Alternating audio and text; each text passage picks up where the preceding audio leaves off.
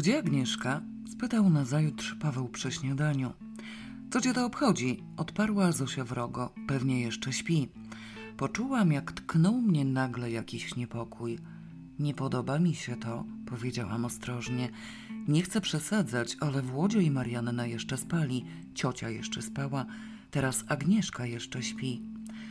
Na twarzach Zosi i Pawła odmalowały się rozmaite uczucia. Przez chwilę patrzyli na mnie, po czym zerwali się z miejsc i popędzili do ostatniego pokoju. Poszłam za ich przykładem i razem z nimi zatrzymałam się przed zamkniętymi drzwiami. Nie mam odwagi sprawdzić, powiedziała Zosia nerwowo. Może najpierw zajrzeć przez okno. O Boże, boję się. Po krótkim namyśle zapukałam, odpowiedzi nie było. Wypisz, wymaluj, jak z ciocią mruknęłam. No trudno, raz kozie śmierć. Odsunęłam kolejno podwójne drzwi, najpierw szklane, potem drewniane i zajrzałam do środka. Pokój był pusty, łóżko też i robiło wrażenie nieużywanego. Możesz otworzyć oczy, powiedziałam do Zosi. Nie ma jej tu ani żywej, ani przeciwnie i zdaje się, że jej w ogóle nie było. Nie wiem po co latałam w nocy dookoła domu. Chwała Bogu, westchnęła Zosia z niewymowną ulgą. Nie lubię tej dziewczyny, ale aż tak źle jej nie życzę. Gdzie ona mogła się podziać? Nie mam pojęcia, od wczoraj nie widziałam jej na oczy. Poszła myć głowę i zniknęła. No przecież nie utopiła się w wannie, ale wiesz, że ja jej też nie widziałam. Słuchaj, może trzeba zadzwonić do Alicji. Może i trzeba, ale nie da rady. Alicja błąka się gdzieś po tych spadkowych instytucjach. Dajmy jej spokój na razie.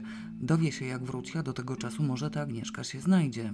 Zamierzaliśmy oboje z Pawłem jechać razem do hotelu Angleterre, kontynuować polowanie na faceta, ale Zosia sprzeciwiła się temu kategorycznie. Oświadczyła, że nie zostanie sama w tym koszmarnym domu, w którym ludzie nie tylko nagminnie padają ofiarą zamachów, ale także dematerializują się w niepokojący sposób. Na wszelki wypadek zajrzeliśmy do kufra pod łóżko i do szaf w przedpokoju, ale śladu po Agnieszce nigdzie nie było. Paweł przeszukał ogród z takim samym skutkiem. W atmosferze zaląkł się niepokój i wyraźne napięcie. Zadzwoniła Ewa z zapytaniem, co się na litość boską stało i dlaczego w środku nocy budzimy jej pomoc domową. Niepokoiła się bardzo o Alicję, której nie było w biurze i obawiała się, czy to przypadkiem nie coś z nią.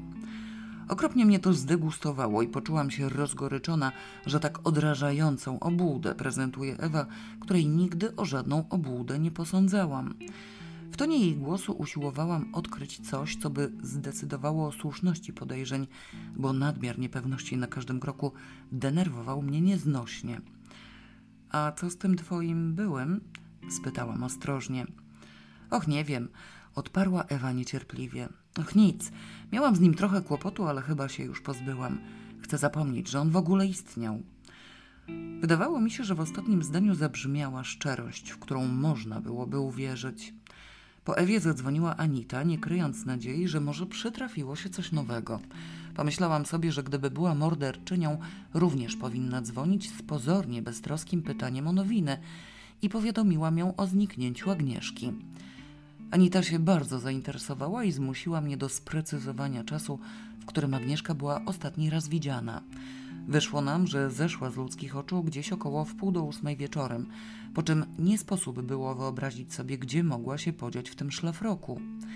Następnie zadzwoniła Alicja z informacją, że zarówno Bobuś, jak i Biała Glista pojawią się jeszcze dziś prawdopodobnie około ósmej. I róbmy sobie co chcemy, ale musimy przygotować jakąś kolację. Nie zniesie kompromitacji w oczach tej, e, nawet dość wyraźnie wypowiedziała której. W zamian udzielałam jej wiadomości, że Agnieszka zniknęła, na co poleciła mi porozumieć się z panem Mulgardem. Usiłowałam spełnić to polecenie, ale pana Mulgarda nie było pod posiadanym przez nas numerem telefonu. Możliwe zresztą, że był, tylko jego współpracownicy nie skojarzyli sobie wymawianego przeze mnie słowa z jego nazwiskiem. Następnie zadzwoniło jeszcze kilka osób, zostawiając dla Alicji różne wiadomości w różnych językach. Zapisywałam wszystko, obiecując jej przekazać. Zosia w stanie furii prasowała upraną wczoraj bieliznę pościelową, mamrocząc pod nosem krytyczne uwagi. Ona chyba zgłupiała. Nie wiadomo, co z tą Agnieszką, gdzie ta dziewucha się podziewa. Mnie to denerwuje. Bobuś i Biała Glizda nie wiadomo, kto jeszcze. Dziwię się, że ta policja nie protestuje. Przecież to istna hekatomba. Co kto przyjedzie, to go szlak trafia. W każdym szpitalu ofiara. Nie rozumiem, jakim cudem my jeszcze żyjemy. Pościeli ręczniki, nie tylko pościeli ręczniki, ona sobie powinna założyć hotel. Paweł ponuro rozkopywał drugi grobowiec, bardzo niezadowolony z życia i rozgoryczony zarówno przerwą w polowaniu na faceta, jak i awanturą, jaką zdążyła zrobić Alicja za podejrzenie, że u niej są szczury. Ściśle biorąc, Alicja protestowała przeciwko obecności szczurów nie tylko u niej, ale w ogóle w całej Danii. A co do awantury, to największą jej część wykonała Zosia w ramach rodzicielskich obowiązków pedagogicznych. Nic nie pomogło, że obydwoje z Pawłem bez oporów porzuciliśmy wszelką myśl o szczurach, zamieniając je na łasicę, borsuka, a nawet zgoła wydrę. Dla ich przyjemności gotowi byliśmy twierdzić, że w grobowcu jest nosorożec. Alicja wróciła przed szóstą i natychmiast po jej powrocie odnalazł się i pan Mulgard. Zadzwonił i bardzo uprzejmie, ale stanowczo zażądał, żeby ktoś z nas natychmiast poszedł obejrzeć piwnicę. Przez dość długą chwilę Alicja wpierała w niego, że w tym domu nie ma piwnicy, a że wreszcie uzgodnili, że chodzi o najniższą część atelier, tę pod katafalkiem. Pan Mulgard domagał się, żeby obejrzeć zaraz i donieść mu o rezultatach oględzin. Jasne jest, że do atelier popędziliśmy wszyscy, porzucając ledwo napoczęty obiad. Nie czekając, aż Alicja zapali światło na dole, Paweł zaczął schodzić po schodach i na przedostatnim stanął nagle jak wrośnięty w ziemię. To znaczy chciał zapewne stanąć jak wrośnięty w ziemię, ale nie udało mu się to. Schodziłam zaraz za nim i nie przewidziałam jego zamiarów, w związku z czym w sekundę po oświetleniu wnętrza runęliśmy w dół, wprost na pudło z nawozem sztucznym. Za sobą usłyszałam jęk Zosi i kroki zbiegającej na dół Alicji. Agnieszka w szlafroku w czerwone kwiatki leżała w kącie pod ścianą tuż obok stołu, na którym w wielkiej tekturowej teczce znajdowały się reprodukcje arcydzieł architektury. Jedna z nich upadła na ziemię wcześniej niż Agnieszka i już się zupełnie nie nadawała do użytku. Stoł, ściana i parę innych rzeczy wokół również nosiły ślady energicznego działania mordercy. Piwnica upodobniła się w dużym stopniu do rzeźni miejskiej. W charakterze narzędzia do rozbijania głowy posłużył tym razem stary młotek, w którym Alicja rozpoznała swoją własność. Paweł wygrzebał się z nawozu sztucznego. Kwiatki czerwone, powiedział trochę nieprzytomnie, z goryczą, nie kryjąc wstrząsu. Lampa czerwona, wszystko czerwone. Przestań! krzyknęła gwałtownie Zosia z góry. Różne miewałaś pomysły, ale ten był najbardziej idiotyczny, stwierdziła Alicja, spoglądając na mnie z obrzydzeniem. Wzruszyłam ramionami, otrzepując ręce i odzież, bo cóż jej miałam powiedzieć. Nie była to najwłaściwsza chwila na podkreślanie, że życie samo wykazało trafność mojego przekładu. Pomacaj ją, może też jeszcze żyje, powiedziałam dość beznadziejnie. Znasz się na tym, podobno byłaś kiedyś pielęgniarką. Alicja przyjrzała się Agnieszce z powątpiewaniem. Tu chyba nie ma co macać, nie wygląda na żywą. Na wszelki wypadek niech się pośpieszą, a jeśli to jest znów wstrząs mózgu, to nie należy jej ruszać. Ładnie się nią zaopiekowałam. Zosia uciekła z atelier, wyrzucając z sobie oderwane zdania, w których dało się dostrzec coś w rodzaju wyrzutów sumienia. Nie lubiła tej Agnieszki, nie życzyła jej najlepiej, chciała się jej pozbyć i proszę, jaki skutek? Tak, powiedziała mocno wytrącona z równowagi Alicja do telefonu. Jest piwnica. To znaczy chciałam powiedzieć, że Agnieszka jest w piwnicy. Zdaje się, że nie żyje, ale nie jesteśmy pewni. Zosia siedziała przy stole oparta łokciami z twarzą ukrytą w dłoniach. Na litość boską nie przyjmuj tutaj tego bobusia z białą glistą, wyrzuć ich, zażądała rozpaczliwie. Nie zniosę tego więcej. Myślałam, że zaczynasz się przyzwyczajać, powiedziałam z jadowitym zdziwieniem. Zosia oderwała ręce od twarzy i spojrzała na mnie strasznym wzrokiem. Alicja odłożyła słuchawkę i popatrzyła na nas z zagadkowym wyrazem oblicza. Dlaczego? Jeżeli kogokolwiek, to tylko babusia i białą glistę. Ja przecież ciągle jeszcze żyję. Pan Mulgard zawiadomił pogotowie, które pojawiło się po dziesięciu minutach. W napięciu, wychyleni przez balustradę, patrzyliśmy z góry na poczynania lekarza. Agnieszka, taka śliczna, taka młoda, wydawała się teraz sympatyczna nawet Zosi. To potworne, żeby po tylu nieudanych zamachach właśnie ona miała paść ofiarą udanego. Żyje, powiedział lekarz ostrożnie. Wstrząs mózgu i straciła mnóstwo krwi. Zgodnie uznaliśmy to za bezapelacyjny cud. Upór i zaciekłość zbrodniarza napełniały nas jak najgorszymi przeczuciami i za każdym razem byliśmy pewni, że osiągnął swój makabryczny cel, oczywiście myląc osoby. Od wczorajszego wieczoru Agnieszka miała prawo umrzeć co najmniej kilka razy i umarłaby niewątpliwie, gdyby pan Mulgard dłużej zwlekał z zaspokojeniem ciekawości w kwestii piwnicy. Mówiłam, że to półgłówek, powiedziała z furią Alicja. Nie mógł zadzwonić wcześniej, co za idiota. Dajże mu spokój, przecież zdążył, nic jej nie będzie. Skąd on w ogóle o tym wiedział? Skąd mu przyszło do głowy, żeby jej szukać w piwnicy? Wiedział przecież, że gdzieś zniknęła. Nic podobnego, przerwałam. Wcale nie wiedział. Usiłowałam go zawiadomić, ale nie chcieli go poprosić do telefonu. Nic nie wiedział. Przeciwnie, wygląda na to, że właśnie wiedział. Ciekawe skąd. Na litość boską spytaj tego lekarza, dokąd ją zabierają. Niech ją wezmą do tego samego szpitala co ciocie, bo niedługo będzie trzeba jeździć po całej Danii. Przebyły w zwykłym zestawie, oczekiwany tym razem z wyjątkowym utęsknieniem pan Mulgard, w kilka minut odtworzył wczorajsze wydarzenia. Ze źródła swoich informacji nie czynił tajemnicy. Ukryty w okolicznych zaroślach, jego człowiek widział w mroku, jak Agnieszka wchodziła do atelier z ogrodu. Widział odblask światła z wnętrza przytłumionego, tak, że musiało pochodzić z piwnicy. Widział następnie, jak jeszcze ktoś wszedł za Agnieszką. Zaraz potem światło zgasło, ten ktoś wyszedł i znikł w ciemnościach gdzieś koło domu. Agnieszkę rozpoznał, ponieważ była w jasnym szlafroku. Tego kogoś natomiast nie, ponieważ miał na sobie ciemny strój, prawdopodobnie spodnie. Pozostanie Agnieszki w atelier nie obudziło w nim niepokoju. Wiedział bowiem, że istniała droga przez wewnętrzne drzwi. Tylko on na wszelki wypadek zainteresował spostrzeżeniami swojego zmiennika. Zmiennik przez cały następny dzień ani razu jej nie ujrzał, chociaż specjalnie uważał. Przekazano mu nie tylko nie narzucać się mieszkańcom domu, ale w ogóle nie pokazywać się im na oczy.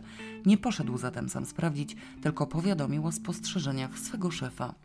Poinformowany, że szlafrok, w który była ubrana Agnieszka, należał do Alicji, pan Mulgard kiwnął głową. Tak, rzekł, jest to zgodne z ogółem. Osoba mniema, że to ta dama. Osoba widzi dama do piwnica. Osoba idzie za. Dama spoziera do obrazy, wielce okupowana, nie ogląda tyły. Osoba łapa młot i wali. Jaka godzina była? Pośpiesznie odpowiedzieliśmy, że pewnie około ósmej, ale okazało się, że pan Mulgard nie nas pytał, tylko siebie. Zajrzał do swoich notatek. Tak, powiedział, siedem po ósmej. To mnie jeszcze wtedy nie było, powiedziała Alicja. Zaraz, nie było mnie? Nie, wróciłaś koło dziewiątej i zaraz potem przyszła Greta. A gdzie ja byłam? No to chyba ty powinnaś wiedzieć lepiej. Załatwiałaś coś z tym spadkiem. A, już wiem. Siedziałam z Jensem u adwokata. Czy Jens nie dzwonił? Owszem, dzwonił. Kazał ci powiedzieć, że nie potrzebuje tego jakiegoś papieru, który miałaś znaleźć. Nie potrzebuję. No to chwała Bogu, bo musiałabym mu zaraz zawieść, a miałam jechać. Rany boskie, Bobusi biała glista. Oni zaraz tu będą, miałam po nich jechać. Może jeszcze z kwiatami, co? Powiedziała miadowicie. Bobuś nie paralityk, o ile wiem, da sobie radę. Pan Mulgard kontynuował śledztwo, napotykając pewne trudności. Wszystkie trzy bowiem zajęte byłyśmy bardziej oczekiwanymi gośćmi niż czymkolwiek innym. Sytuacja uległa zmianie, zagęszczenie domu zmniejszyło się. Agnieszka zwolniła miejsce. Jeżeli oni sobie wyobrażają, że ja będę taktowna, to się w życiu tak nie pomylili, mówiła Alicja mściwie. Ja ich ochraniać nie będę. Niech śpią razem w jednym pokoju. To łóżko po Agnieszce jest podwójne, tylko wyciągnąć dół. Ja ich będę miała pod nosem, tak? Niech śpią na katafalku. Nie zmieszczą się, bo buś jest za gruby. No to co mnie to obchodzi? Niech schudnie. Możesz im powiedzieć, że innego łóżka nie ma, tylko katafalk, zaproponowała Zosia. To jest tego, mm, ten pomnik. Kiedy babuś wie, że jest, sam mi pomagał wyciągać dół, jak było ostatnim razem. Oni i tak myślą, że ja im dam oddzielne pokoje dla zachowania pozorów. Ja mam gdzieś ich pozory. No zresztą może być, zgodziła się Zosia również mściwie. Ten pokój jest przechodni żebyś się nie ważyła latać dookoła domu, dodała gwałtownie, zwracając się do mnie. Masz przechodzić tędy i to co chwila. Jak się czujesz? Alicja, może jej damy coś na rozstrój żołądka? Czy nie prościej byłoby ubrać ją w mój szlafrok? Pewnie, jeśli morderca się lepiej postara, to będę straszyć po śmierci, powiedziałam gniewnie. Odczepcie się od mojego żołądka. Mogę symulować przechodzenie, ale widoku Bobusia dwadzieścia razy na dobę nie zniosę. I to jeszcze może w dezabilu, co? A zali były jeszcze goście wczoraj? Dopytywał się pan Mulgard. Nie, dopiero będą dzisiaj. Odparłyśmy w roztargnieniu. Do udzielenia bardziej sensownych odpowiedzi pozostał mu tylko Paweł, który ze swej strony interesował się głównie miejscem ukrycia obserwatora, także badania tego wieczoru szły mu jak po grudzie. Ekipa śledcza miała niewiele do roboty i dość szybko zakończyła swoje czynności. Bobuś i Biała Glizda przybyli taksówką dokładnie w chwili, kiedy policja z wyjątkiem pana Mulgarda opuszczała dom. No oczywiście, powiedział z przekąsem Bobuś pobieżnie poinformowany, co się stało. Jak ktoś prowadzi taki tryb życia i takie gospodarstwo, to właściwie wszystkiego można się po nim spodziewać, zapewne zatrucie pokarmowe. Pierwszy dreszcz szczęścia, które zgodnie odczułyśmy wszystkie trzy na widok przerażająco upasionej białej glizdy, zamarł zmącony żalem, że Bobuś nie trafił na Włodzia i Mariannę, albo chociaż na Kazia. Bez chwili namysłu odruchowo odwróciłam się do Pawła. Oddaj tę lupę, zażądałam stanowczo. Gdzie ją masz? W oczach Alicji i Zosi zdążyłam dostrzec aprobatę. Żadnych środków ostrożności dla Bobusia i białej glizdy. Ach nie, powiedziała Alicja z wyraźnym żalem. Tym razem zatłuczenie młotkiem. Ale nie przejmujcie się, mamy nadzieję, że zatrucie pokarmowe też będzie. A, powiedział z zainteresowaniem pan Mulgard. Ja widzę te nowe goście. A tak, przyświadczyła Alicja. Bardzo lubię gości. Chodźcie, chodźcie. Bardzo was przepraszam, że nie zdążyłam po was wyjechać, ale sami widzicie, co się tu dzieje. To już szósta zbrodnia w tym miesiącu. Jak się cieszę, że was widzę. Zamieszanie uspokoiło się dopiero bardzo późnym wieczorem. Pan Mulgard odjechał, Bobuś i Biała Glizda, nieco zaskoczeni i urażeni lokalizacją, poszli spać. Posprzątałyśmy po kolacji, będąc równocześnie obiadem i odetchnęłyśmy lżej. Po co im powiedziałaś, że to już szósta zbrodnia? spytała Zosia z pretensją. Upadła się na głowę, jeszcze się przestraszą. Bo jestem uczciwa. Jak chcą, to niech się narażają na własną odpowiedzialność. Dorośli są i wiedzą, co robią. Już i tak byli obrażeni, że wy tu jesteście. Nie spodobało im się, że tak dużo osób, a oni chcieli samotności. A przedtem jak ja mogłam dać im wspólny pokój tak jawnie? Cała Europa się dowie. Tym bardziej uciekną i nic im się nie stanie, powiedziała Zosia wyraźnie zmartwiona. Biała glizda była chyba nieco wystraszona, ale Bobuś zdaje się, że nie uwierzył, powiedziałam pocieszająco. Uważa, że robimy sobie reklamę. Cała nadzieja w tym, że to zawsze był idiota. Alicja była przepełniona mściwą satysfakcją. Widziałyście, jak się spasła, istny potwór. Widziałyście te zwały sadła. Wygląda na dziesięć lat starzej niż powinna. Nie masz się z czego cieszyć, powiedziałam ostrzegawczo. Obawiam się, że trochę trudno będzie wziąć ją za ciebie. Jest dwa razy taka w każdą stronę. Nie wyobrażam sobie, jak morderca mógłby się w tym wypadku rąbnąć. Ciocia też nie była bardzo do mnie podobna, odparła spokojnie Alicja, nie mówiąc już o Włodziu albo o Kaziu. Zastanawiam się, czy nie powinnam była położyć ich jednak na moim łóżku, niekoniecznie razem, chociaż jednej sztuki. Uważam, że nie należy mu zbytnio utrudniać. Ja bym jutro wyszła z domu, powiedziała Zosia. Niech Paweł z Joanną jadą do tego hotelu. Ty pójdziesz do pracy, a ich trzeba namówić na jakąś wycieczkę. Trzeba chyba czasem zostawić mu trochę swobody. Niech obejrzą zamek w Hilleryt, zaproponowałam. Bobuś już oglądał, ale biała glista nie. Jeżeli my oglądałyśmy sześć razy, to on może dwa. Alicja pokręciła głową. Boję się, że na zamek w Hilleryt nie da się namówić. To już prędzej na Hamleta albo ewentualnie Gileleje. Nie upierałam się przy swoim, bo już sama myśl oglądania zamku w Hilleryt napełniała mnie lekką odrazą – Rozumiałam więc, że i dla Bobusia może to być mało atrakcyjne. Rzeczywiście, byłam tam sześć razy, pokazując budowlę kolejno rozmaitym przybyłym z Polski osobom i za szóstym razem usiłowałam chodzić po komnatach z zamkniętymi oczami. Nie byłam już w stanie patrzeć na wyobrażone na malowidłach oblicza wszystkich skandynawskich panujących, aczkolwiek były to oblicza doprawdy kuriozalne. Na widok urody dam można było w pełni zrozumieć osławioną oziębłość dżentelmenów. Kłopot w tym, że jutro zdaje się przychodzi sprzątaczka, powiedziała Zosia. Ale pani Hansen przychodzi tylko na trzy godziny, a nas nie będzie z dziesięć.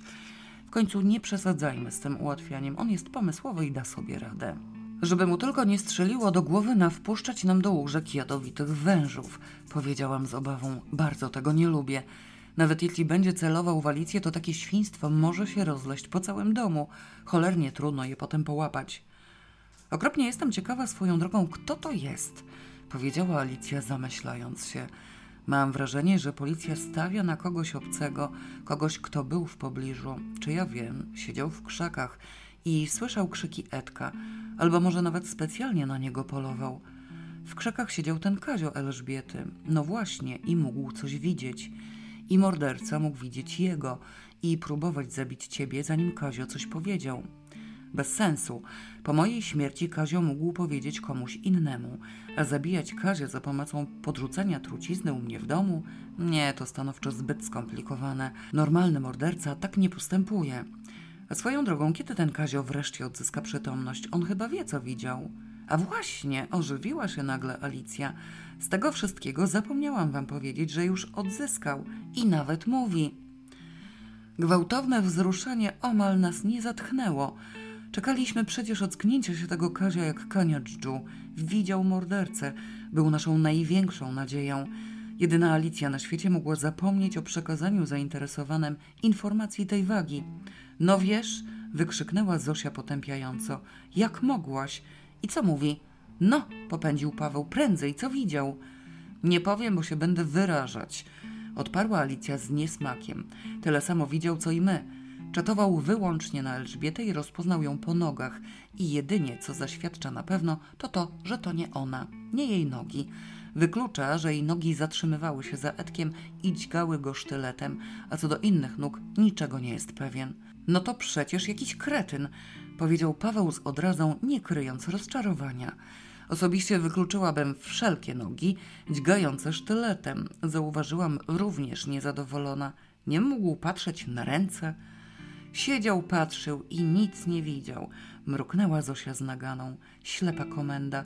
Co za pożytek z niego? No żaden, przyznała Alicja.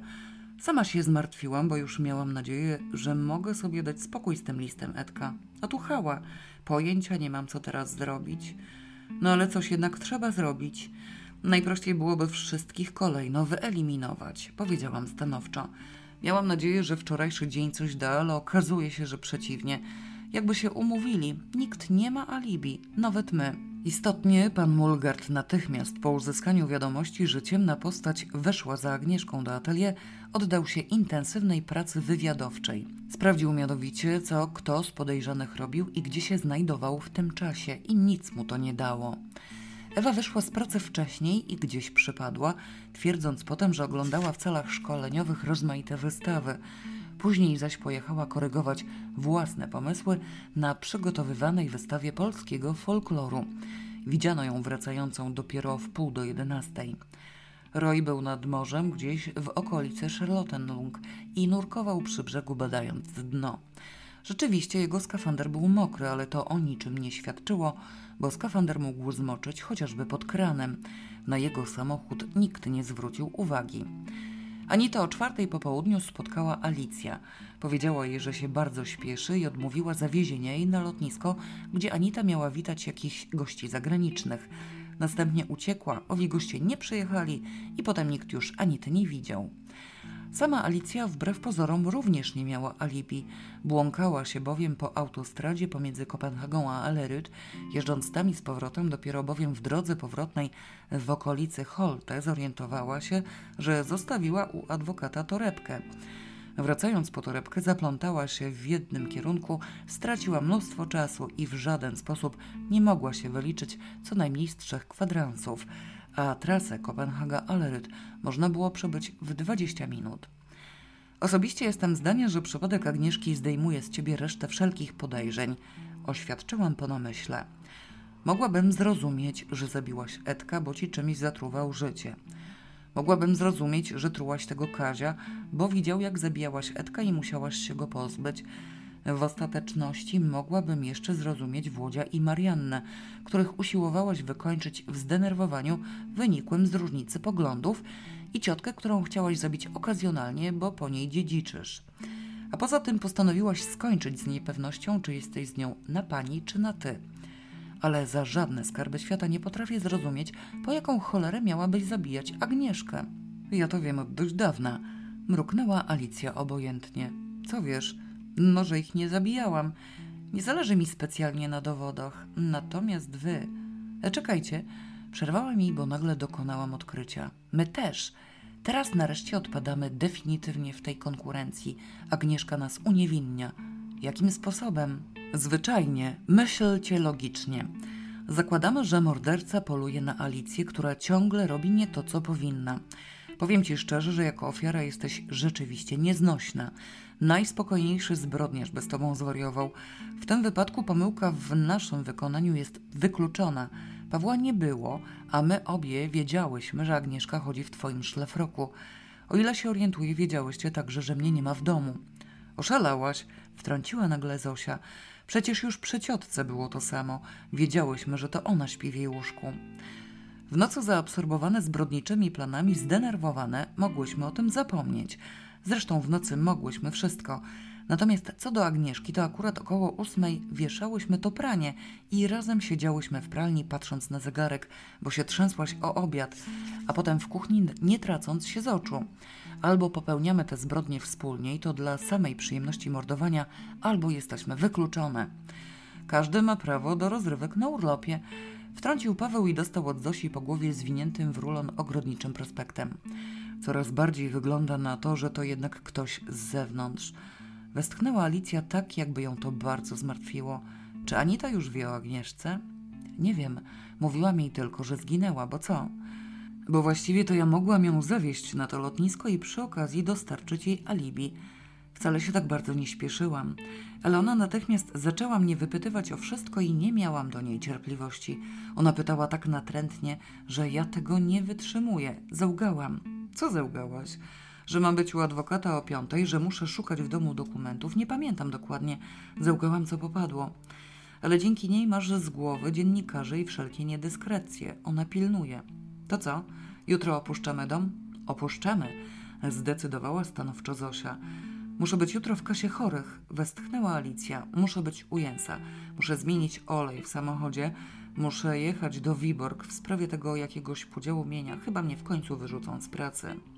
Dzień spędzony w Angleterre dostarczył zarówno Pawłowi, jak i mnie nader nikłych wrażeń. Zabawialiśmy się odgadywaniem, kto z plączących się po gości hotelu jest milionerem, a kto zwyczajnym człowiekiem. Posiłki spożywaliśmy na zmianę w najbliższym kiosku z parówkami i zastanawialiśmy się, jak uniknąć trucizny, bez wątpienia obficie rozsianej po całym domu, oraz jak nazwać doświadczalne zwierzę, które zdaniem Pawła lada chwila zostanie odkopane w grobowcu, żeby nie urazić uczuć Alicji. Pod wieczór porzuciliśmy posterunek i wróciliśmy do Alerot, nie doczekawszy się czarnego faceta, przepełnieni do niego żywą niechęcią. W domu obecni już byli wszyscy – Bobuś i Biała Glizda nie zdradzali żadnych, z utęsknieniem oczekiwanych przez nas objawów, niemniej jednak Alicja i Zosia nie odrywały niemal od nich roziskrzonego oka. Trzeba przyznać, że było na co popatrzeć. Biała Glista miała na sobie obcisłe spodnie i równie obcisły sweterek, co razem wziąwszy nadawało jej wygląd osoby ubranej w dobrze nadęte dętki samochodowe i stanowiły widok napełniający rozkoszą duszę każdej kobiety. Wychowany w kulcie szczupłej figury Paweł zapatrzył się w to tak, że nie był w stanie oddalić się spokoju bodaj na chwilę, a w jego zachłannym spojrzeniu dawało się dostrzec rozmaite odcienie obrzydzenia i wstrętu. Podejrzewam, że patrzył masochistycznie. Sama napawałam się tym widokiem z niczym niezmąconą przyjemnością. Równocześnie z nami przyszedł Torsten. Trafiliście na kolację, powiedziała półgłosem Zosia w kuchni. Cholera, ten chyba też zostanie. Sałatki, sery i pasztet są pewne. Przywiozłyśmy z Kopenhagi. Salami też i kawa w tamtym słoiku. Margaryna wygląda na nienaruszoną, ale reszta żarcia była w domu i teraz nie mam pojęcia, co z tym zrobić. Podtykać mu tylko pasztet i sałatki, powiedziałam stanowczo. Nie możemy go narażać. Oni są taktowni i biorą, co im się daje. Nie tykać, broń Boże, tych kiszonych ogórków w słoju. Pierwsze, co bym zatruła dla Alicji, to właśnie to. I w tym momencie Bobuś jakby na zamówienie zawołał. Co ja widzę, Alicja, ty masz kiszone ogórki. No nie, nie będziesz chyba aż takie skąpiradło. Przezwyciężasz się dla gości i nie pożałujesz.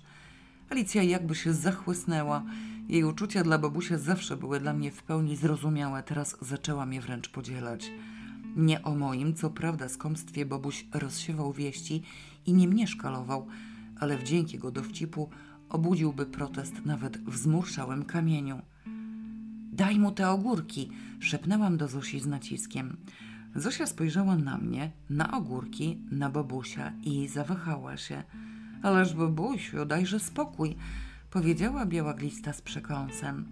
Może Alicja chowa te ogórki dla siebie, tu tak trudno o ogórki. W oczach Zosi nagle mignęło szaleństwo. Bez słowa, z jakąś dziką zachłannością zdjąwszy pokrywę ze słoja, zaczęła wyciągać ogórki jeden po drugim. Zamieszała całą zawartość i wybierała te z wierzchu, starannie maczając je w sosie. Alicja prezentowała jakieś osobliwe poczucie humoru, co jakiś czas wydając z siebie szatański chichot. Torsten, siedząc w fotelu, uważnie przyglądał się wszystkiemu i wszystkim, zapisując coś w notesie. Paweł podpierał ścianę, zmieniając miejsce, żeby nie tracić z oczu białej glisty i wyglądał tak, jakby właśnie przeżywał najpiękniejsze chwile w życiu. Bobuś szalał po pokoju, siejąc blask swojej indywidualności.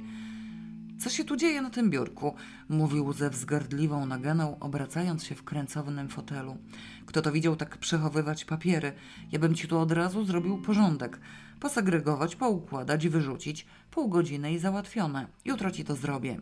Pomyślałam sobie, że nasz dotychczasowy morderca tym razem może zostać wyręczony. Szczególnie duńskie będzie ci łatwo posegregować, powiedziała Alicja, dławiąc się jadowitą słodyczą. Trzeba umieć posługiwać się słownikiem. Wystarczy odrobina inteligencji. Trzeba mieć odrobinę inteligencji, wycharczała szeptem Zosia. Ma pan słownik polsko-duński? Zdziwiłam się tak niewinnie, jak tylko umiałam się na to zdobyć. Mam wszystkie słowniki, odparł Bobuś pobłażliwie. Kulturalny człowiek powinien dać sobie radę z każdym językiem. Jeszcze trzeba być kulturalnym człowiekiem, wymamrotała Zosia pod nosem. Ale tu jest chyba niewiele przepisów kulinarnych, powiedziałam z życzliwym żalem. O ile wiem, tu są dokumenty innej treści. Nakrywająca do stołu Alicja znieruchomiała. W ekstazie oczekując dalszego ciągu, wiedziała bowiem, do czego zmierzam. Bobuś wydawał się odrobinę zaskoczony. Jak to? zapytał nieufnie. Tak zwyczajnie. Polsko-duński słownik w ogóle nie istnieje. Są tylko takie idiotyczne rozmówki dla turystów, które zawierają wyłącznie informacje o artykułach spożywczych. Będzie panu trochę trudno się tym posłużyć. Z Alicji wydobył się jakiś dziwny kaszel połączony z czymś w rodzaju rozkosznego gruchania. Bobuś odzyskał mowę. Prychnął wzgardliwie, machnął lekceważąco ręką i odepchnął fotel od biurka. Można się posłużyć słownikiem angielsko-duńskim albo niemiecko-duńskim, rzekł pouczająco i z odrobiną urazy. Aha, przeświadczyła radośnie Alicja. Trzeba tylko znać dość dobrze niemiecki albo angielski. Proszę do stołu, kolacja gotowa. Wieczór zapowiadał się uroczo, rzecz bowiem polegała na tym, że Bobuś nigdy w życiu nie zdołał opanować w pełni żadnego obcego języka. Jakiś tajemniczy defekt umysłu nie pozwolił mu nauczyć się perfekt nawet angielskiego, pomimo długoletniego pobytu w Anglii. Ułomność tę starannie ukrywał, z uporem usiłując czynić wrażenie poligloty. Nie mogłyśmy jednak niestety rozwijać dalej czarownej i pouczającej dyskusji, bo zaabsorbowała nas ważniejsza, znacznie akcja ochrony Torstena. Te czworo, Alicja, Zosia, Paweł i ja, czuliśmy się zmuszeni patrzeć mu w zęby i bez przerwy pilnować, co je. Osobiście usuwałam z zasięgu jego ręki musztardę. Zdecydowana na wszystko Alicja stanowczym gestem wydarła mu słoik dżemu pomarańczowego i podetknęła ser, mówiąc po duńsku coś, od czego Torsten popadł w rodzaj osłupienia. Przyjrzał się Pawłowi jakimś dziwnym wzrokiem, po czym usiłował zareagować, kiedy dżemem jęła delektować się biała glizda. Alicja znów wygłosiła jakąś uwagę i osłupienie Torstena przeszło w rodzaj paniki. Niemożność natychmiastowego dowiedzenia się od niej, co powiedziała, doprowadziła nas do stanu wrzenia. Bobuś i Biała Glista siedzieli przy stole i słuchali, a nie mieliśmy najmniejszych wątpliwości, że owe słowa nie były przeznaczone dla ich uszu. Przyglądaliśmy się im w napięciu, wciąż oczekując pogorszenia stanu zdrowia. Nic takiego nie następowało. Siedzieli, żarli i doskonale się czuli. Bobuś ględził coś, czego nikt nie słuchał, a Biała Glizda mistrzyła się do Alicji. Po kolacji wyszliśmy do ogrodu wciąż w znakomitym stanie. Wydawało nam się to wręcz niepojęte – Czyż on nie wykorzystał okazji? Zaniepokoiłam się. Codziennie będziemy musieli wynosić się z domu. Takim nawet kurara nie da rady, powiedziała Zosia z goryczą. Alicja przypomniała sobie nagle o oleju w samochodzie. Jutro rano zmienisz, powiedziałam. Jutro rano muszę jechać do Wiborki, nie zdążę. Muszę bardzo wcześnie wyjechać. Spróbuję jeszcze dzisiaj. Są stacje obsługi czynne w nocy. Zagadnięty w tej sprawie Torsten potwierdził. Alicja zaczęła się wybierać. W drzwiach korytarzyka pojawił się nagle Paweł, który straciwszy wreszcie z oczu białą glizdę, otrząsnął się z zafascynowania widokiem i poszedł do swojego pokoju. Miał jakiś dziwny wyraz twarzy. Nie chcę robić kłopotu, powiedział niepewnie, ale w moim pokoju chyba ktoś leży. Urwałyśmy w pół słowa rozważania o oleju. Kto leży? spytała zaskoczona Alicja. Nie wiem, znów widać same nogi bez reszty kadłuba. Na chwilę zbaraniałyśmy wszystkie trzy. Spojrzałyśmy na siebie, a potem znów na niego. Zwariował? spytała Alicja nieufnie. Paweł, jeżeli to mają być wygłupy, zaczęła Alicja złamanym głosem. Nie zdołała dokończyć. Odpychając Pawła i tłocząc się w ciasnym korytarzyku jedna przez drugą, rzuciłyśmy się do pokoju. Jakie na litość boską same nogi mogły znowu leżeć w tym domu? Na małym kawałku wolnej od mebli podłogi, pomiędzy fisharmonią a łóżkiem Pawła, leżały istotnie nogi w roboczych spodniach. Reszta przynależnej do nich osoby ginęła w mroku pod stolikiem z maszyną do szycia i przykryta była zwojem zwisającej z niej tkaniny w żółte kwiatki, przy czym spod tkaniny wyglądało w poprzek coś czerwonego – Widok był dość wstrząsający, bo wszystko razem robiło takie wrażenie, jakby osoba została przecięta na pół, górę zabrano, a dół z nogami został. Matko Boska! wyszeptała Zosia z cichym, rozdzierającym miękiem. To zaczyna być nie do zniesienia, powiedziała Alicja okropnie zdenerwowana. Mam dosyć tych nóg. Gdzie reszta? Pod spodem, oznajmił Paweł. Ja w ogóle nie wiem, czy to żywe, to znaczy na pewno martwe, ale mnie się wydaje, że może sztuczne. Sztuczne czy nie sztuczne, trzeba to wyciągnąć. Przecież nie będzie tak leżało do końca świata. Nie rusz! Wrzasnęłam i chwyciłam za ramię Alicję, która pochyliła się, żeby pociągnąć nogi. Może ten ktoś jeszcze żyje, nie wiadomo jaki ma uraz, może kręgosłup. Pociągniesz i szlak go trafi. To co mam zrobić? Wezwij pogotowie, lekarza, policję. Na litość boską, na co czekasz? Krzyknęła Zosia. Ten morderca to idiota on ma rację. Może mu znów nie wyszło. A jeśli sztuczne? Przez kilka minut oddawałyśmy się nerwowym i raczej chaotycznym rozważaniom, czy nowe nogi są sztuczne, czy prawdziwe i czy należy wzywać lekarza do sztucznych. W końcu Alicja z determinacją przykucnęła i pomagała w kostce. Nogi, powiadomiła nas. To jest, chciałam powiedzieć, wyglądają jak prawdziwe. Nie wiem, czy żywy, przez skarpetkę nie czuję. Pogotowie przyjechało po kwadransie. Było to pogotowie lokalne z Aleret i lekarz ciągle ten sam wydawał się już przyzwyczajony do oryginalnych wezwań. Przede wszystkim spytał o pana Mulgarda i dopiero dowiedziawszy się, że pan Mulgard już wie i już jedzie, przystąpił do zasadniczych czynności. Wlazł pod stół z lampą w ręku, pozostał tam przez chwilę, po czym wylazł i zażądał pomocy przy ostrożnym wyciąganiu ofiary – Żyje, powiedział bez zdziwienia. Pani Hansen, jęknęła rozpaczliwie Alicja na widok górnej części osoby. No nie, powiedziała z furią Zosia, równie zaskoczona jak wściekła. Zwariować można. Zamiast bobusia i białej glizdy ta niewinna kobieta. Cóż to za skończona świnia, zwyrodnialec i jakim cudem wziął ją za ciebie? Cholera, powiedziała Alicja. Cofnęła się i wlazła na nogę Torstenowi. O rany boskie, ja muszę jechać do Wiborg. Ten olej. Kolejne zbrodnicze próby zaczęły stawać się dla nas chlebem powszednim, ogłupiając nas przy tym do tego stopnia, że już nie wiadomo było, co teraz ważniejsze zamach na panią Hansen czy zmiana oleju w samochodzie. Zamachy przytrafiały się bez mała codziennie, a zmiana oleju raz na jakiś czas. Lekarz przy pomocy pielęgniarki robił opatrunek, polecając nam zapamiętać dokładnie położenie ofiary i miejsce, gdzie trafiły pociski. Pani Hansen bowiem została postrzelona. Widocznie zaprzyjaźnił się już z panem Mulgardem i usiłował ułatwić mu zadanie. Alicja miotała się po kuchni i korytarzyku, szarpana na zmianę niepokojem o panią Hansen i niepewnością, czy jechać zamieniać olej przed przybyciem policji, czy też dopiero po jej odjeździe. Ten ostatni problem rozstrzygnął właściwie Torsten, ofiarowując się, że on to załatwi. Niechętnie na ogół rozstająca się z pojazdem Alicja z prawdziwą ulgą wręczyła mu kluczyki. Lekarz, zrobiwszy opatrunek, postanowił zaczekać na przybycie policji, oświadczając, że pani Hansen to nie zaszkodzi, a panu Mulgardowi zapewne pomoże. Nie miałyśmy nic przeciwko temu, święcie wierząc, że wie co robi. Słuchaj no, powiedziałam pośpiesznie, wykorzystując chwilę spokoju i nieobecność osób, które mogłyby mi przeszkodzić w wyjaśnieniu kwestii nie wiadomo dlaczego interesującej mnie tak, jakby była bezwzględnie najważniejsza na świecie. Zanim się tu zacznie to całe piekło na nowo, przetłumacz mi, co powiedziałaś Tarstenowi w sprawie tego dżemu pomarańczowego. Usiłował go zjeść i zrezygnował. Jak ci się udało go do niego zniechęcić? On miał taki dziwny wyraz twarzy. Co? Powiedziała Alicja i stropiła się z lekka. Koniecznie chcesz to wiedzieć? Koniecznie, poparł mnie Paweł. Też się chciałem zapytać. Boże drogi, bardzo cię przepraszam, Zosiu. Paweł ciebie też. Powiedziałam mu, że Paweł napluł do dżemu. Co? Że Paweł napluł do dżemu. Bardzo mi przykro, nic innego na poczekaniu nie przyszło mi do głowy. A co powiedziałaś po tym, jak biała glizda zaczęła go jeść?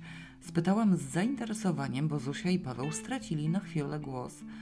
Że ona go już jadła wcześniej przez pomyłkę, bo nie zdążyłam jej powiedzieć, więc teraz tym bardziej nie powiem. Zdaje się, że się trochę zdziwił, ale wolę, żeby się zdziwił niż otruł. Okazuje się, że wcale by się nie otruł, powiedziała Zosia z pretensją. Dlaczego Paweł? Nie mogłaś powiedzieć, że napluła Joanna? No nie wiem, Paweł mi jakoś bardziej pasował. Mnie nie szkodzi, powiedział Paweł wielkodusznie. W razie potrzeby mogę robić nawet gorsze rzeczy. Zastanawiam się, dlaczego on ją napadł w moim pokoju. Nie zaczął chyba polować na mnie i nie myślał, że to ja. Nasza myśl oderwała się od dżemu Torstena i białej glizdy i zajęła nową zagadką – Rzeczywiście morderca wydawał się nieobliczalny.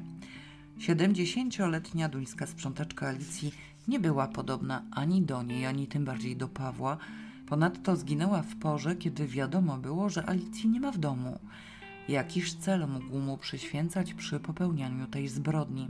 Pracuje na akord, oświadczył Paweł w nagłym natchnieniu. Musi wyrobić normę. Nie może zabić Alicji, to zabija byle kogo. Szczególnie, że tu ma to samo nazwisko i może z czystym sumieniem przysiąc, że załatwił panią Hansen. Nie wygłupiaj się, powiedziała z niesmakiem Zosia. Moim zdaniem on tu czegoś szukał, a ona go na tym złapała. Oczywiście list łodetka. Wykorzystał to, że nikogo nie było w domu, szukał w pokoju Pawła, a ona akurat przyszła. To jasne, że on ma klucze. To było jasne właściwie już od początku i tylko Alicja usiłowała zamykać oczy na oczywistość zniechęci do kłopotów związanych ze zmianą zamków. Zgodnie i bez oporów przyznaliśmy, że Zosia ma rację. Wróciliśmy do pokoju Pawła. Na stole, gdzie stała maszyna do szycia, leżały igły, nici, różne szmaty, żurnale i tym podobne rzeczy. Wszystko było poprzestawiane. Starając się ominąć wzrokiem podłogę, na której zostały liczne ślady katastrofy, współczująco spoglądając na nosze z ofiarą ulokowane na łóżku, Zosia palcem wskazała zmiany. Nie dalej jak dwa dni temu szyła coś i sama zrobiła tu porządek. Zważywszy jej pedanterię w tej dziedzinie, można było wykluczyć wątpliwości. Tutaj też jest poprzestawiane, rzekła Alicja, przyglądając się tonącej pod stosami papierów fisharmonii. Wszystkie te kupy leżą inaczej. List ładetka nie ma. Przeszukałam to już dwa razy. Przybyły w parę minut później pan Mulgard wysłuchał naszych informacji, dokonał szczegółowych oględzin, porozmawiał z lekarzem i potwierdził nasze przypuszczenia. Ze zwłoka była poniewierana, oświadczył z wyraźną naganą. Zabito poza wrota na kuluaru. Morderca stoił tu. To mówiąc, ustawił się obok maszyny do szycia, a nadspodziewana osoba, która go zaskacze, spoziera od tyłu. Wyszedł na korytarz i zajrzał do pokoju, występując z kolei w roli pani Hansen. On, morderca nerwicowy, strzela pistoletem dwa razy. On wszystko robi dwa razy, zauważył Paweł. Dwa razy walił po głowie, dwa razy truł. Pan Bulgard zamilkł na chwilę, przyjrzał mu się z zainteresowaniem, po czym ciągnął dalej. Osoba padała tu, na kuluaru, zaś morderca poniewierał ze włoka do komnata. Ja myślę, ponieważ on pragnił, aby wrota zawarte będą. Chciał zamknąć drzwi, upewniła się Zosia. Po cholerę wpychał ją pod stół, zdziwił się Paweł. A gdzie miał wepchnąć pod łóżko? Nie ma wolnej podłogi na całego człowieka.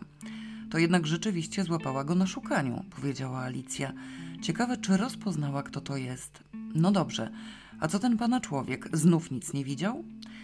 Pan Mulgert uśmiechnął się tajemniczo i wyprosił nas z korytarzyka, gdzie przystąpili do roboty jego współpracownicy, bo pani Hansen nie mogła w nieskończoność leżeć na łóżku Pawła. Znalazłszy się w salonie, wyjaśnił nam, że wprowadził w życie nową, odkrywczą myśl. Jego człowiek mianowicie robił zdjęcia. Siedział w zaroślach, dość daleko od domu, tak aby mieć widok równocześnie na furtkę od ulicy i na dziurę w żywopłocie i fotografował teleobiektywem wszystko, cokolwiek znalazło się w polu jego widzenia. Zdjęcia zostaną wywołane, powiększone i nazajutrz pokazane wszystkim wokoło. W ten sposób być może uda się wyodrębnić kogoś, kogo nikt nie zna i kto okaże się mordercą. Nareszcie jakaś rozsądna myśl, pochwaliła Alicja.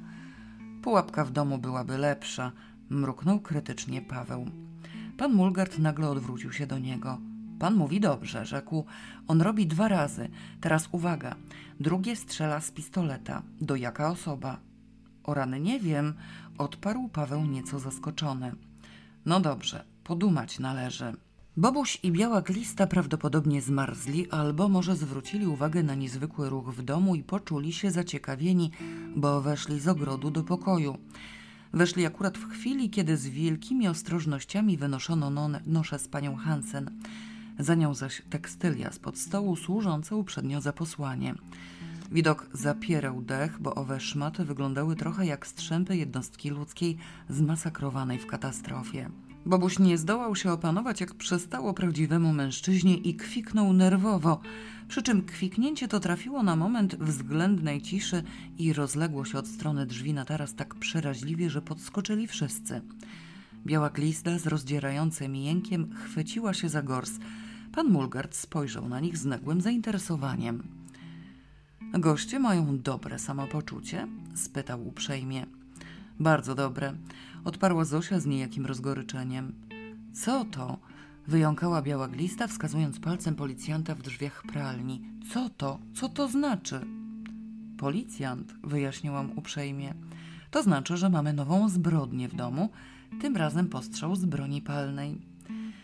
Nie uważałam za niezbędne dodawać, iż zbrodnia znowu się trochę nie udała i ofiara uszła z życiem.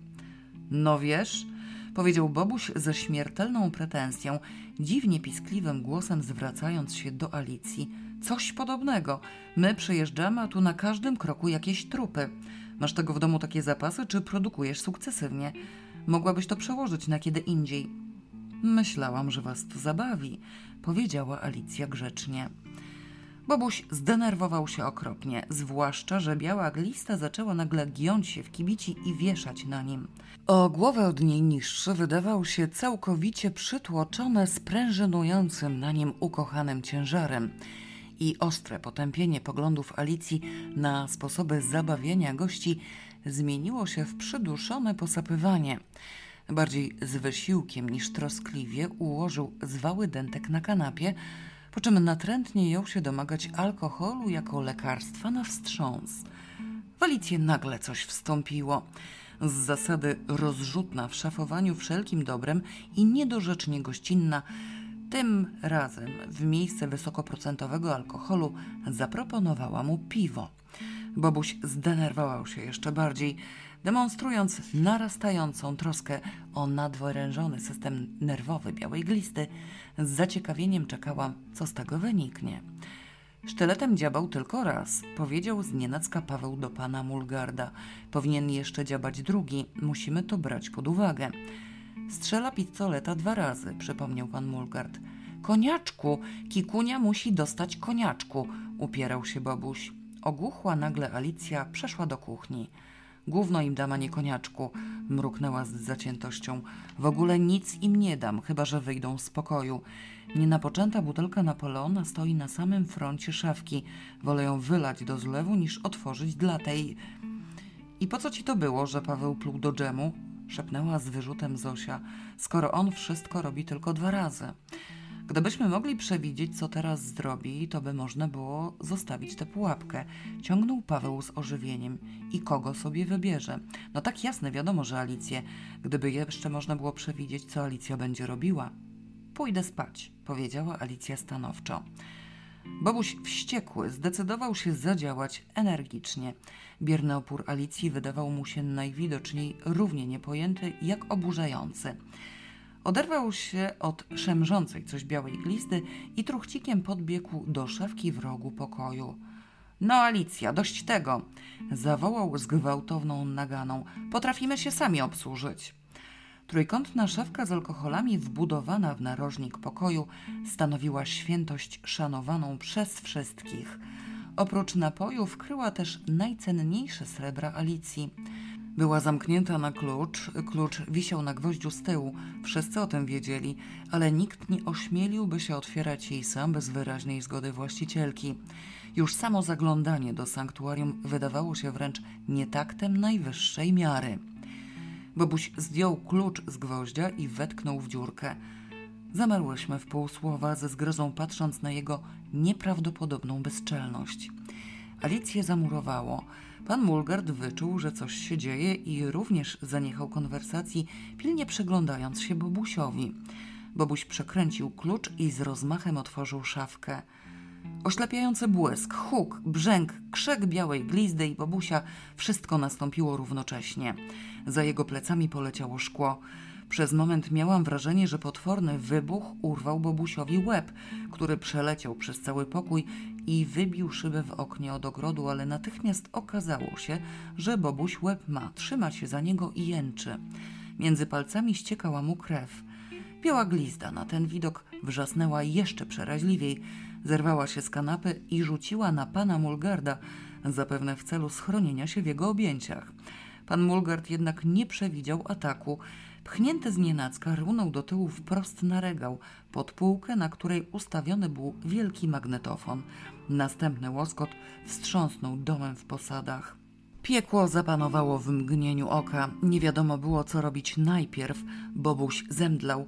Oplątany taśmami i przewodami pan Mulgard czynił bezskuteczne wysiłki, żeby się oderwać od białej glisty. Zosia i Alicja rzuciły się na Bobusia. Paweł z dziką zachłannością w spojrzeniu rzucił się na zdemolowaną szafkę, ja zaś z nie mniejszą chyba zachłannością na to coś, co przeleciało przez pokój. Wrażenie, że to łeb Bobusia było zbyt silne, żeby zapanować nad nim tak od razu. Po bardzo długim czasie pandemonium nieco przycichło. Drugim łbem okazała się bowiem peruka.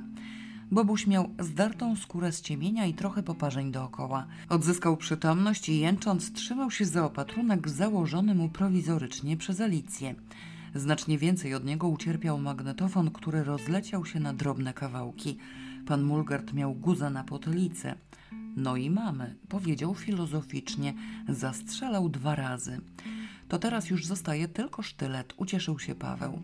Satysfakcji Alicji nie zmniejszyła nawet ruina magnetofonu. No teraz chyba mu się oddechce grzebać w moich rzeczach, mruknęła półgłosem, zbierając szczątki do dużego pudła. Nie wiem, czy to nie jest wystarczająca okazja, żeby otworzyć tę butelkę Napoleona. Nie, odparła Zosia stanowczo. Otworzymy, jak oni wyjadą. To istny cud, że się nie stukła. Ciężko poszkodowany i jeszcze ciężej obrażony Bobuś pomiędzy jękami dawał do zrozumienia, że posądza Alicję o zastawienie pułapki specjalnie na niego. Domagał się fachowej opieki lekarskiej. Chęci wyjazdu o dziwo nie zdradzał, w przeciwieństwie do białej glisty, która śmiertelnie wystraszona gotowa była opuścić ten koszmarny dom nawet natychmiast. Właściwie mogłabyś mu przebaczyć parę rzeczy, powiedziałam ugodowo, pomagając jej zwijać taśmę. Stracił perukę i odpracował za ciebie następny zamach. Gdybyś z tego interesu tak ulgowo nie wyszła. Stłukł szybę i zniszczył mi magnetofon. Chociaż nie, magnetofon mogę mu darować. Zniszczyła go biała glista. Mam już bardzo ładną listę szkód, które przez nich poniosłam. Poza tym to nie jego zasługa, że jest wzrostu siedzącego psa. Mnie by trafiło gdzie? Sam środek twarzy. Według mojego rozeznania raczej nie miałabyś już głowy. Popatrz, a ja wcale nie wiedziałam, że on nosi perukę. Pan Mulgard doczekał się wreszcie specjalisty, po którego zadzwonił natychmiast po wypadku i razem z nim oraz szaleńczo zaciekawionym Pawłem obejrzał wybuchową szafkę. Specjalista na pierwszy rzut oka stwierdził, co to było, udał się do ogrodu i przyniósł stamtąd kilogramowy odważnik. Była rura, wyjaśnił pan Mulgard, demonstrując szczątki puszki po parówkach.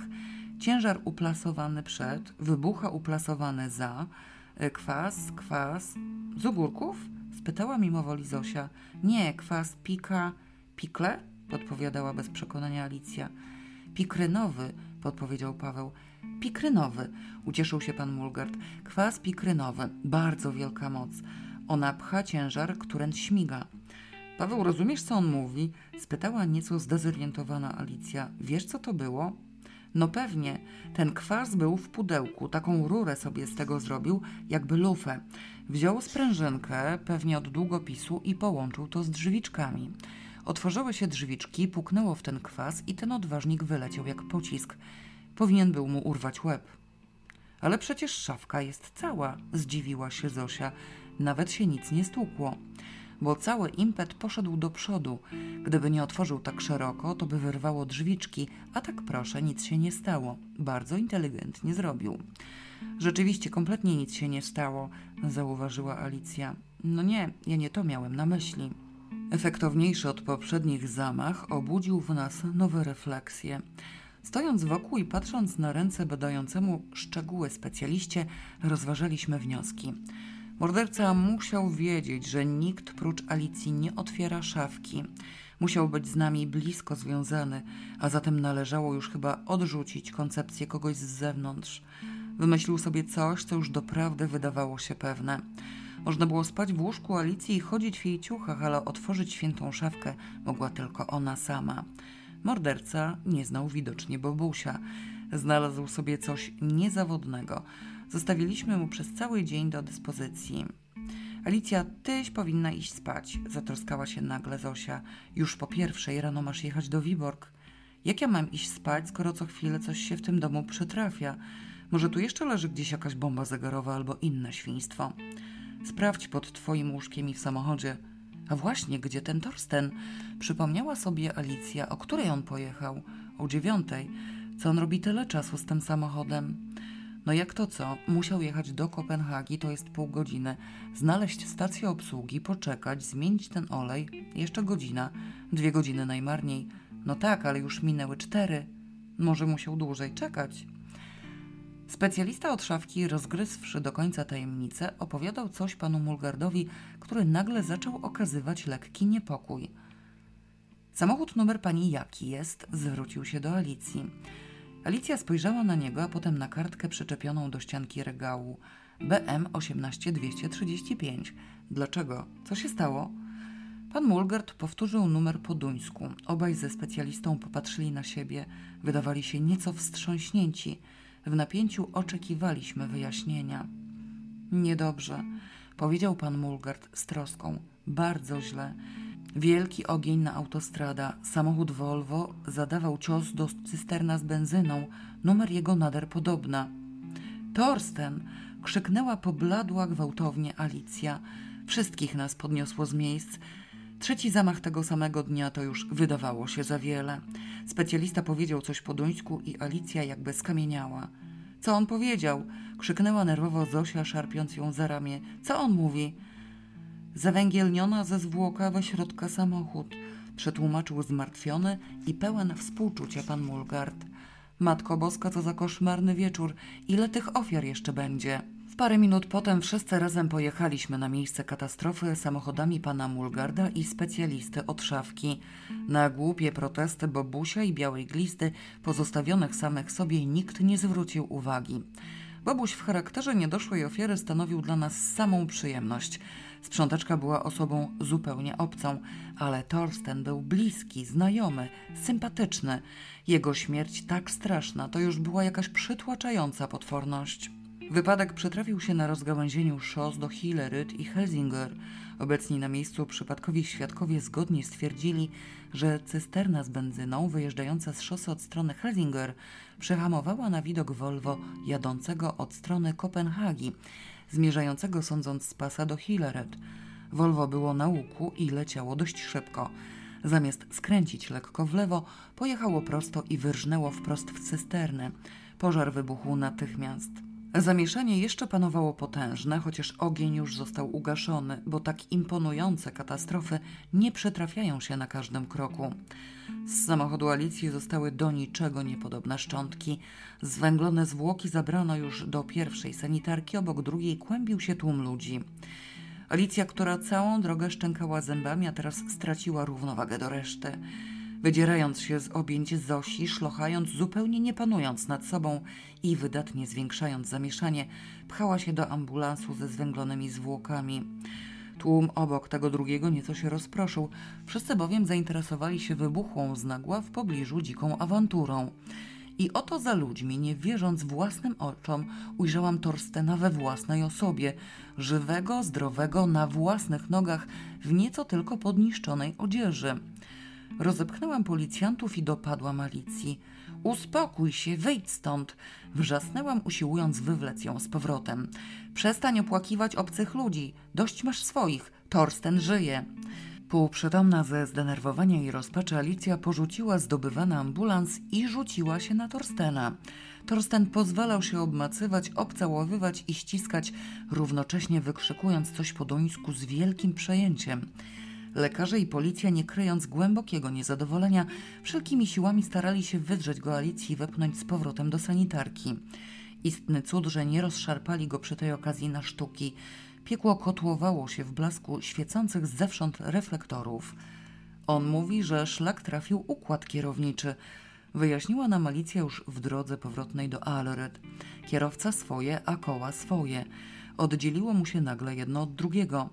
Nic już nie zdążył zrobić, bo to było tuż przed tą cysterną. Ona wyjechała trochę za bardzo na środek, tyle że zdjął nogę z gazu. Co było dalej nie wie, bo stracił przytomność. Wyrzuciło go z samochodu w momencie uderzenia. Pewnie nie zablokował drzwi. Ten zamek w moich lewych drzwiczkach był trochę zepsuty i słabo trzymał. Ocknął się po jakiejś pół godzinie i całkiem dobrze się czuje.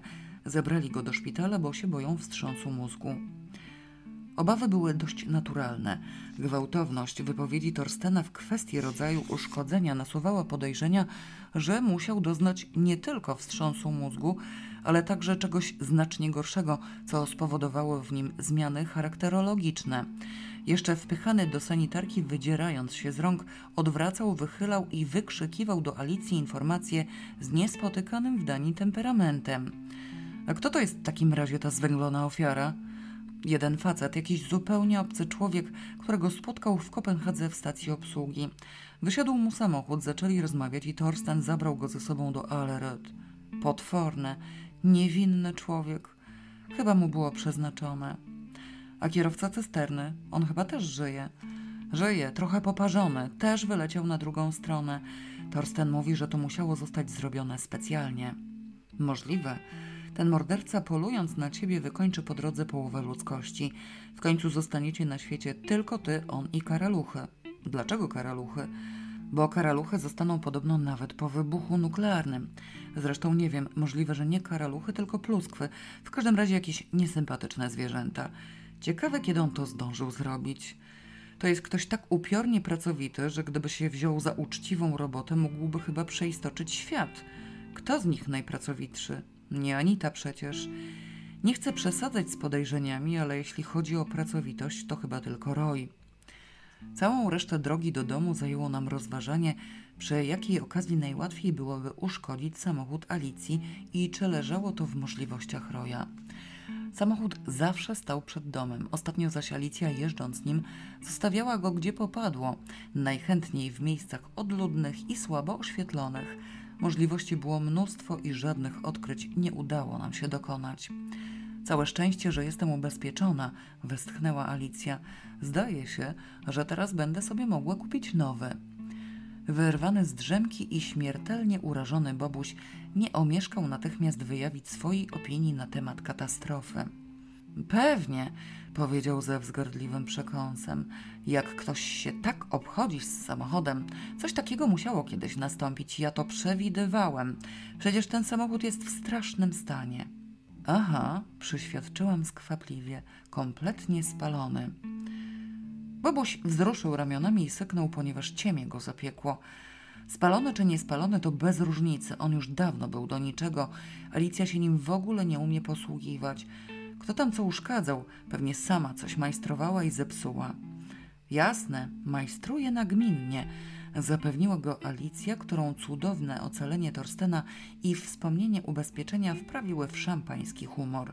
Szczególnie psuje układ kierowniczy i hamulce i śruby od kół odkręcam. Mam nadzieję, że się wreszcie kiedyś coś urwie.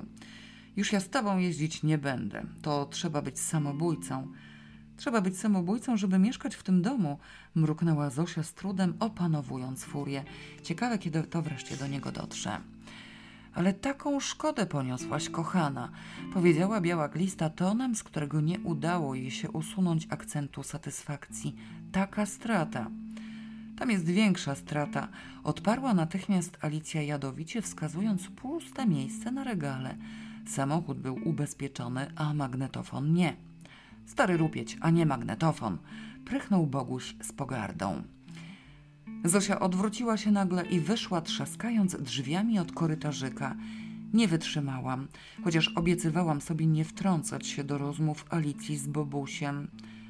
Niektórzy lubią stare rupiecie. Powiedziałam z melancholijną słodyczą, usiłując jednym okiem patrzeć na Bobusia, a drugim na białą glistę, która była ode mnie starsza o całe dwa lata, grubsza natomiast o dwadzieścia. Alicja rozpromieniła się na nowo i rzuciła mi spojrzenie wdzięcznej aprobaty. Pomyślałam sobie, że romantyczne rendezvous obdrapanego na ciemieniu babusia i roztrzęsionej ze strachu białej glizdy nie wypadło im chyba najlepiej i że już sam ten fakt powinien zrekompensować jej wszystkie poniesione straty. Jeszcze odrobina starań mordercy i biała glizda nie wytrzyma. Nie szkoda mi go, powiedziałam stanowczo do Alicji, kiedy już same zostałyśmy na placu boju. On na nią zasługuje. A w ogóle kiedykolwiek było ci go szkoda? Zdziwiła się Alicja z niesmakiem. Owszem, dawno temu, kiedy go jeszcze nie znałam, a ty uważałaś, że to w gruncie rzeczy porządny człowiek. Co ty powiesz? Rzeczywiście kiedyś tak uważałam? Robiłaś takie wrażenie. Każdy się może pomylić. Natomiast ją znałam, jak wiesz, wprawdzie pośrednio, ale dostatecznie. Nie mogłam sobie wyobrazić faceta, którego nie byłaby dla niej szkoda. Istotnie znałam białą glistę sprzed laty, jeszcze z jej panieńskich czasów i sama byłam świadkiem odbijania przez nią bogatego osobnika pewnej szlachetnej kobiecie, która szlochała na moim łonie, jak również świadkiem jej innych niemiłych czynów. Biała glizda zmierzała do fortuny na oślep, bez skrupułów i bez opamiętania. No to już teraz nie musisz sobie wyobrażać, powiedziała Alicja stanowczo. Słuchaj, ja jednak pójdę spać. Naprawdę muszę rano jechać do Wiborg i mam nadzieję, że dzisiaj już nic nie będzie.